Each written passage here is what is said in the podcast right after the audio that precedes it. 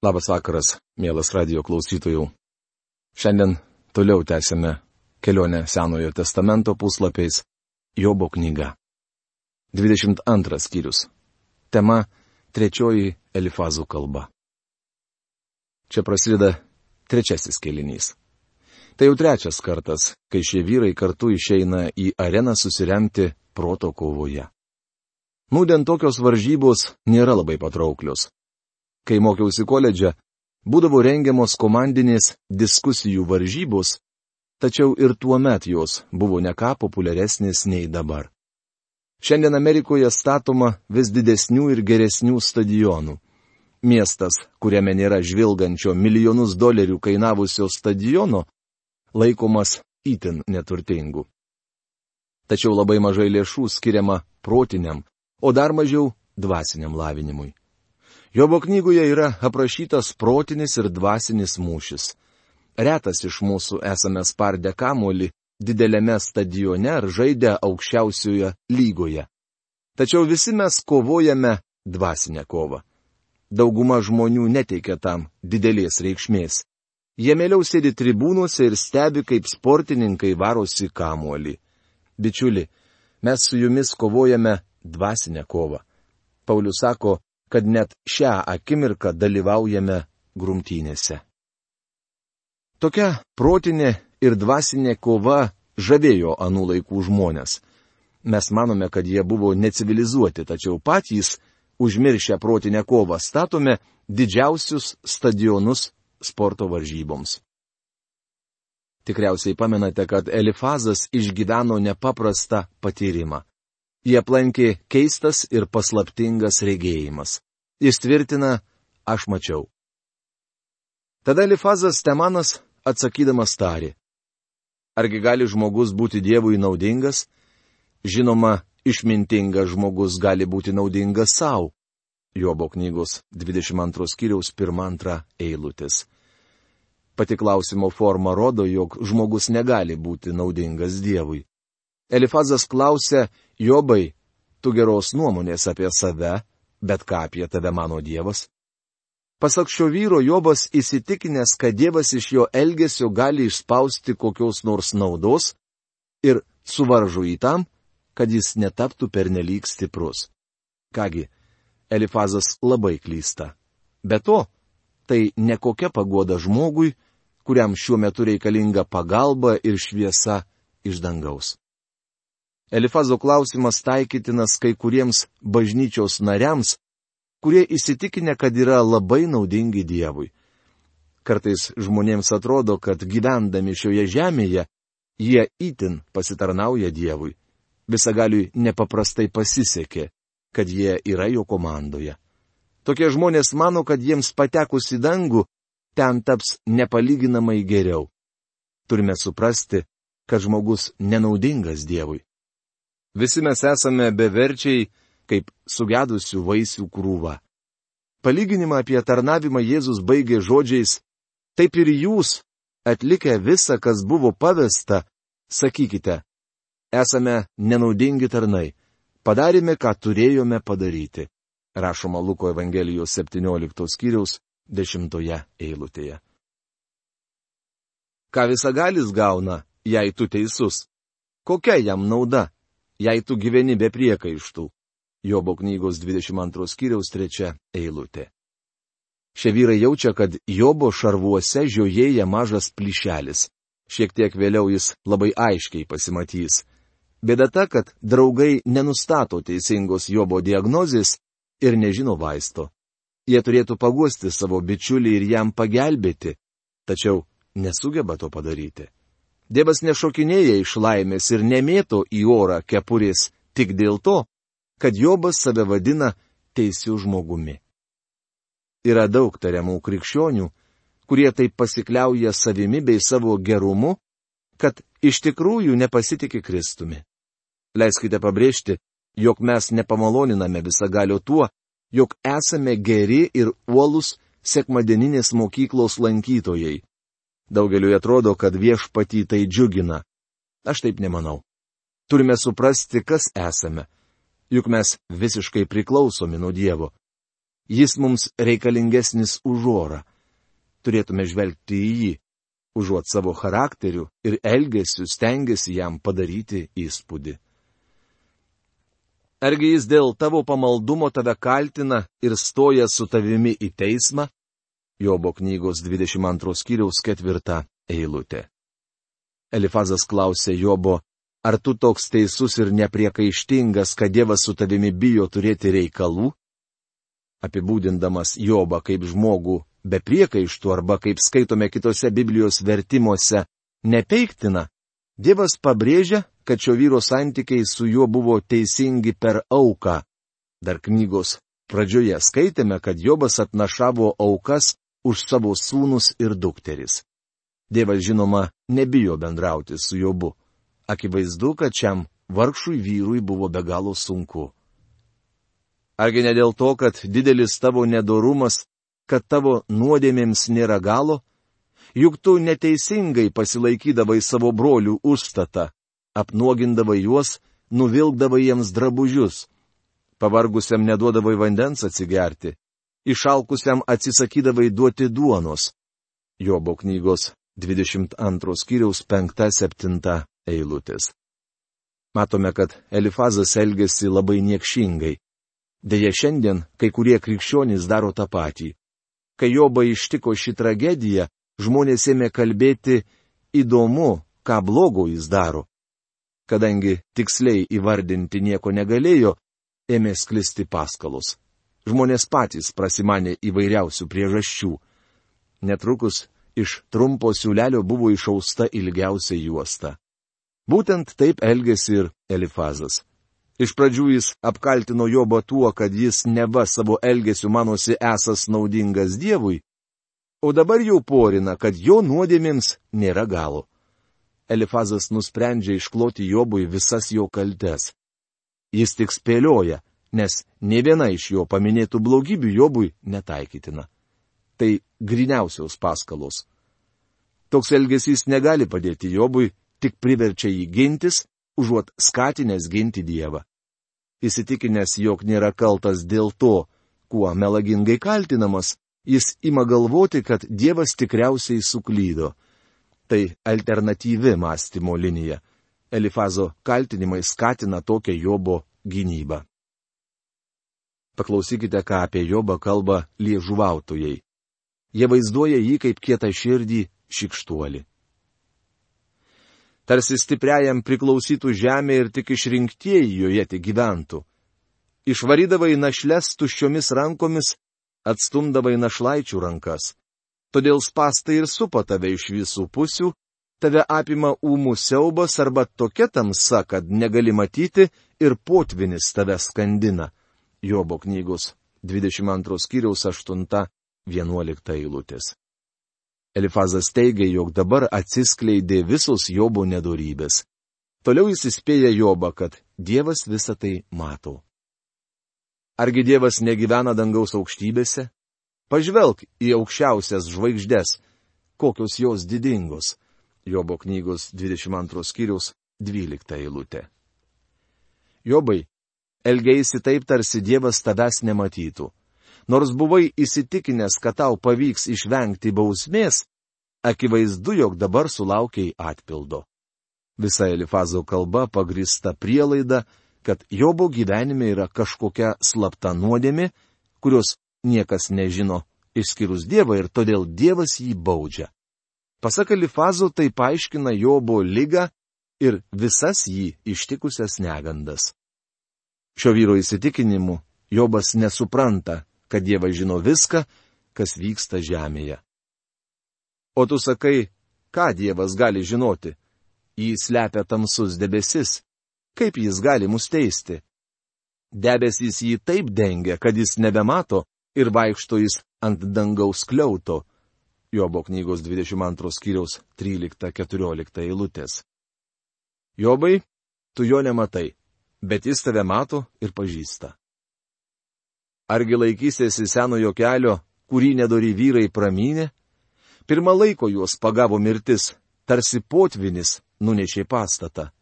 Dievui jie sakė, atstok nuo mūsų ir ką gali visagalis mums padaryti. Jobo knygos 22 skyriaus 15-17 eilutės. Tai vis tie patys seni argumentai, kuriuos anksčiau girdėjome. Elifazas viską grindžia keliais patirtais išgyvenimais. Jis te gali pasakyti, mačiau nedorelį. Toliau iš Elifazo lūpų girdime Evangelijos kvietimą, tačiau Jobų jo nereikėjo, nes jis buvo tarp atpirktųjų.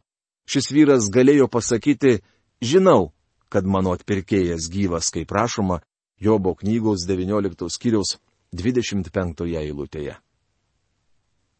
Susitaikyk su Dievu ir būk ramus. Šitaip sulauksi gero. Jobo knygos 22 skyrius 21 eilutė. Tai nuostabus kvietimas, tačiau Jobų jo nereikia. Dažnai panašus kvietimai skamba bažnyčiose. Salėje sėdi atpirkti žmonės arba bent jau manosi tokie esą ir štai jiems siūloma priimti išgelbėjimą.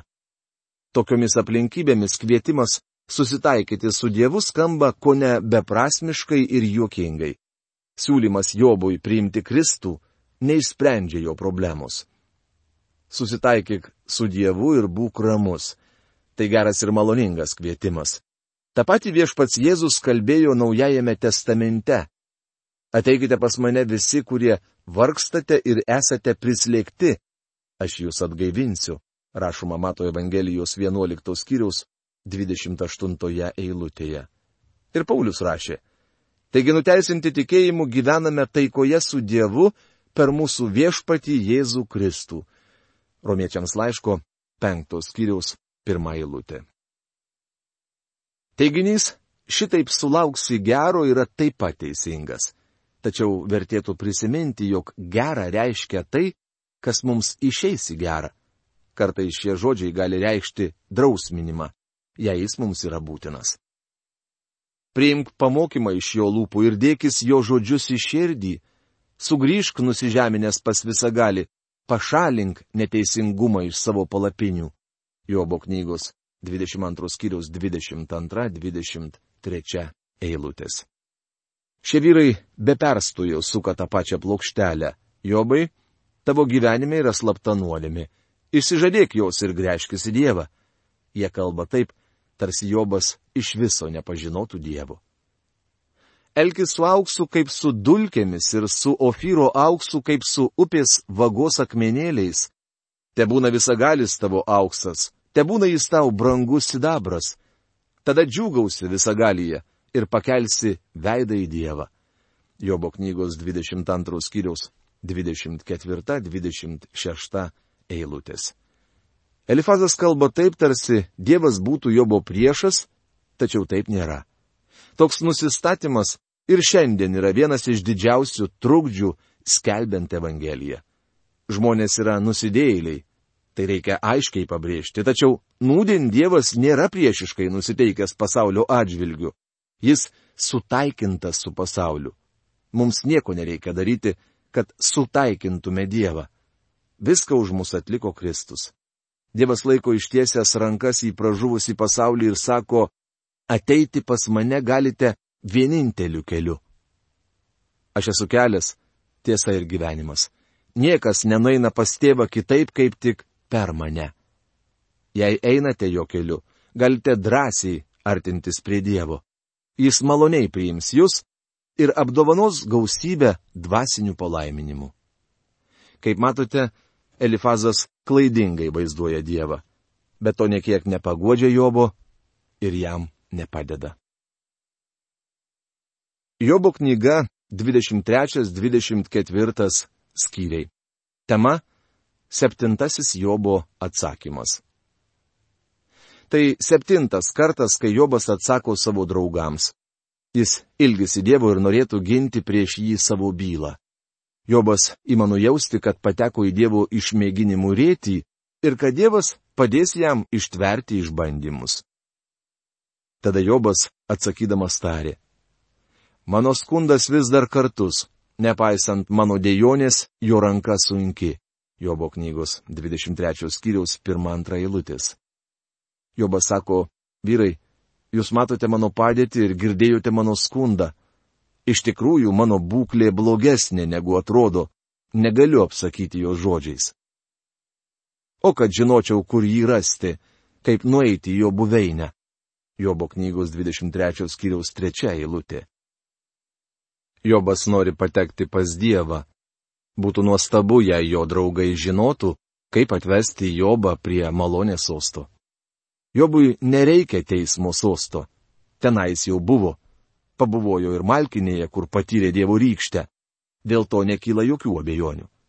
Dabar kas nors turi atvesti šį vyrą pas Dievą. Su juo bilinėčiausi, išdėčiau jam visas savo kančias. Jobo knygos 23 skyriaus ketvirta eilutė. Jobas sako, jog nori gintis Dievo akivaizdoje. Bičiuli, niekas neina pas Dievą gintis. Visiems mums reikia ateiti pas jį, kad pripažintume savo kaltę. Visi mes kalti. Pamatysime, kad atsidūręs prieš viešpatį Jobas nesigins. Tuomet jis užgėdos visai kitą giesmelę. Nori žinoti, kokiais žodžiais jis man atsakytų ir pasvarstyti, ką jis man sakytų, Jobo knygos 23 skyriaus 5 eilutė. Jobas nori žinoti, ką jam atsakytų Dievas ir svarsto, kur galėtų jį rasti. Galiu užtikrinti jūs, jog kiekvienas, kas savo širdyje šitaip ilgisi Dievo, jį ras. Dievas susitiks su tokiu žmogumi nejau byloje su manimi į savo didžią jėgą naudotų, ne, man kalbantis klausytųsi. Ten doras žmogus galėtų su juo svarstyti ir mano teisėjas amžinai išteisintų. Eidamas į priekį jo nerandu, o atgal negaliu pastebėti. Kairėje jis lepiasi, tik negaliu rasti, grėžiuosi į dešinę, bet negaliu jo matyti. Jobo knygos 23 skyriaus 6-9 eilutės. Dievo neįmanoma surasti atidžiai žvalgantis į šonus. Jis arti, arčiau negu jūsų ranka ar oras, kuriuo kvepuojate. Jis visai šalia. Jobas sako, jog blaškėsi į visas puses, mėgindamas rasti Dievą. Bet jis žino kiekvieną mano žingsnį. Tai ištiria mane ugnimi, išeisiu tarsi grinas auksas. Jobo knygos 23 skyriaus 10 eilutė. Matome, kad Jobo siela apšviečia nedidelė prošvaistė. Jis sako, aš mėginamas ne šiaip savo. Kodėl nežinau, tačiau Dievas naudoja visą tai mano gyvenime. Bičiuli, ar patyrėte savo gyvenime, kad vargai sustiprina jūsų tikėjimo gyją? Negi nepastebėjote, jog jie išugdo jumise savybių, kurių anksčiau neturėjote? Ar audrų metu patyrėte Dievo galę ir pagodą? Kaip žinote, Dievas niekada nežadėjo, kad audros jūs aplenks, bet sakė, jog padės jums pasiekti uostą. Mane tai visiškai tenkina ir godžia. Koja kojon ėjau su juo, nenukrypdamas į šalį ir laikiausi jo parodyto kelio. Nepasitraukiau nuo jo ištartų įsakymų, branginau širdyje jo žodžius. Jobo knygos 23 skyriaus 11-12 eilutės. Jobas vertino Dievo žodį. Čia vėl gauname pamoką iš Dievo. Jobas nesuprato Dievo žodžio ir klaidingai jį interpretavo. Kaip žinote, kai kurių pamokų iš Dievo žodžio neįmanoma išmokti vien jas studijuojant. Jos įsisavinamos su patirtimi. Taip mes turime išmokti daugelį Dievo tiesų. Matome, jog Jobo atsakymas užsitęsia ir 24 skyriuje. Elifazas kvietė susitaikyk su Dievu. Taigi Jobas išreiškė troškimą jį surasti. Šis vyras pažįsta viešpatį kaip atpirkėją. Pamenate, jis sakė, žinau, kad mano atpirkėjas gyvas. Tačiau Jobas nesupranta, kas su juo vyksta, todėl jam reikia paguodos, pagalbos ir šviesos iš dangaus, mat iš draugų jis viso to nesulaukia. Elifazas užsipolė Jobą mėgindamas išgauti iš jo slaptą nuodėmę, kuri jo manimu buvo šio vargšo vyro gyvenime. Dėl to Jobas ėmė tik dar atkakliau gintis. Iš tikrųjų dabar jam iškyla dar vienas klausimas. Kodėl Dievas iš manęs tiek daug reikalauja? Juk jis atrodytų dovanoja nedorėliams, kurių nuodėmės akivaizdžios. Tokį jo argumentą girdime 24 skyriuje. Kodėl visagalis nepasakė atpildo meto ir kodėl jo ištikimieji nemato jo dienų? Žmonės perkelia ežeženklius, pagrobė kaimenės ir kerdžius. Jobo knygos 24 skyriaus 1-2 eilutės. Jobas vardyje akivaizdžias kitų nuodėmes. Kai kurie žmonės yra nesažiningi. Jie perkelia ežeženklius. Nusiveda našlaičių asilą, paima našlės jauti užstatu, bet turčius nustumia nuo kelio, priverčia visus vargšus slėptis. Jobo knygos 24 skyriaus 3-4 eilutės. Jie elgesi nesažiningai, skriausdami kitus, netgi vargšus. Jie derlių nuima ne savo laukia, vėlyvas vynogės surenka nedorelio vynogynę. Jobo knygos 24 skyriaus 6 eilutė. Iš akro žemės nedoreliai nupjauna tiek pat javų kaip ir teisėjai. Jobas klausia, kodėl taip yra? Jie žudo, plėšia ir svetimauja, tačiau šiai žmonių grupiai leidžiama sulaukti savo paskutiniosios, kaip visiems kitiems. Kaip sausra ir kaitra sunaikina sniego vandenis, taip šeolas te praryja tuos, kurie nusidėjo. Jobo knygos 24 skyriaus 19 eilutė. Maža to, kad nedorėliai miršta kaip visi kiti, panašu, jog šiame gyvenime jie atleisti nuo teisingumo. Iš tikrųjų atrodo, kad jie net užtariami ir pamaloninami. Pasiligojęs ir nuskurdęs Jobas žvelgia į nedorėlius ir mato, kad jiems puikiai sekasi. Jis sako, Nesuprantu. Noriu žinoti, kodėl esu taip mėginamas. Kodėl šitaip su manimi elgiamasi. Argi ne taip? Kas paneigs, ką sakau, arba įrodys, kad mano žodžiai nieko verti? Jobo knygos 24 skyrius 25 eilutė. Bičiuliai nepadėjo Jobui. Iš tikrųjų jie davė jam dar vieną dingstį skūstis. Tarnaudamas pastoriumi skirtingose bažnyčiose, gal tūkstantį kartų girdėjau klausimą, kodėl Dievas leidžia, kad man šitai atsitiktų. Tai iš ties dažnas klausimas. Tuo paties klausė ir Jobas. Kodėl Dievas leido, kad man šitaip atsitiktų? Jo argumentas toks. Esu toks geras, o antai jie nedoriliai. Tai kodėl aš? Šis klausimas iškyla daugeliu žmonių. Jobas nesupranta Dievo, nei, kai pamatysime, savęs. Visgi, nors šio vyro pažinimas ribotas, jis turi nuostabų tikėjimą Dievu. Mielas klausytojau, šiandien mūsų laidos laikas baigėsi. Iki malonaus sustikimo. Sudė.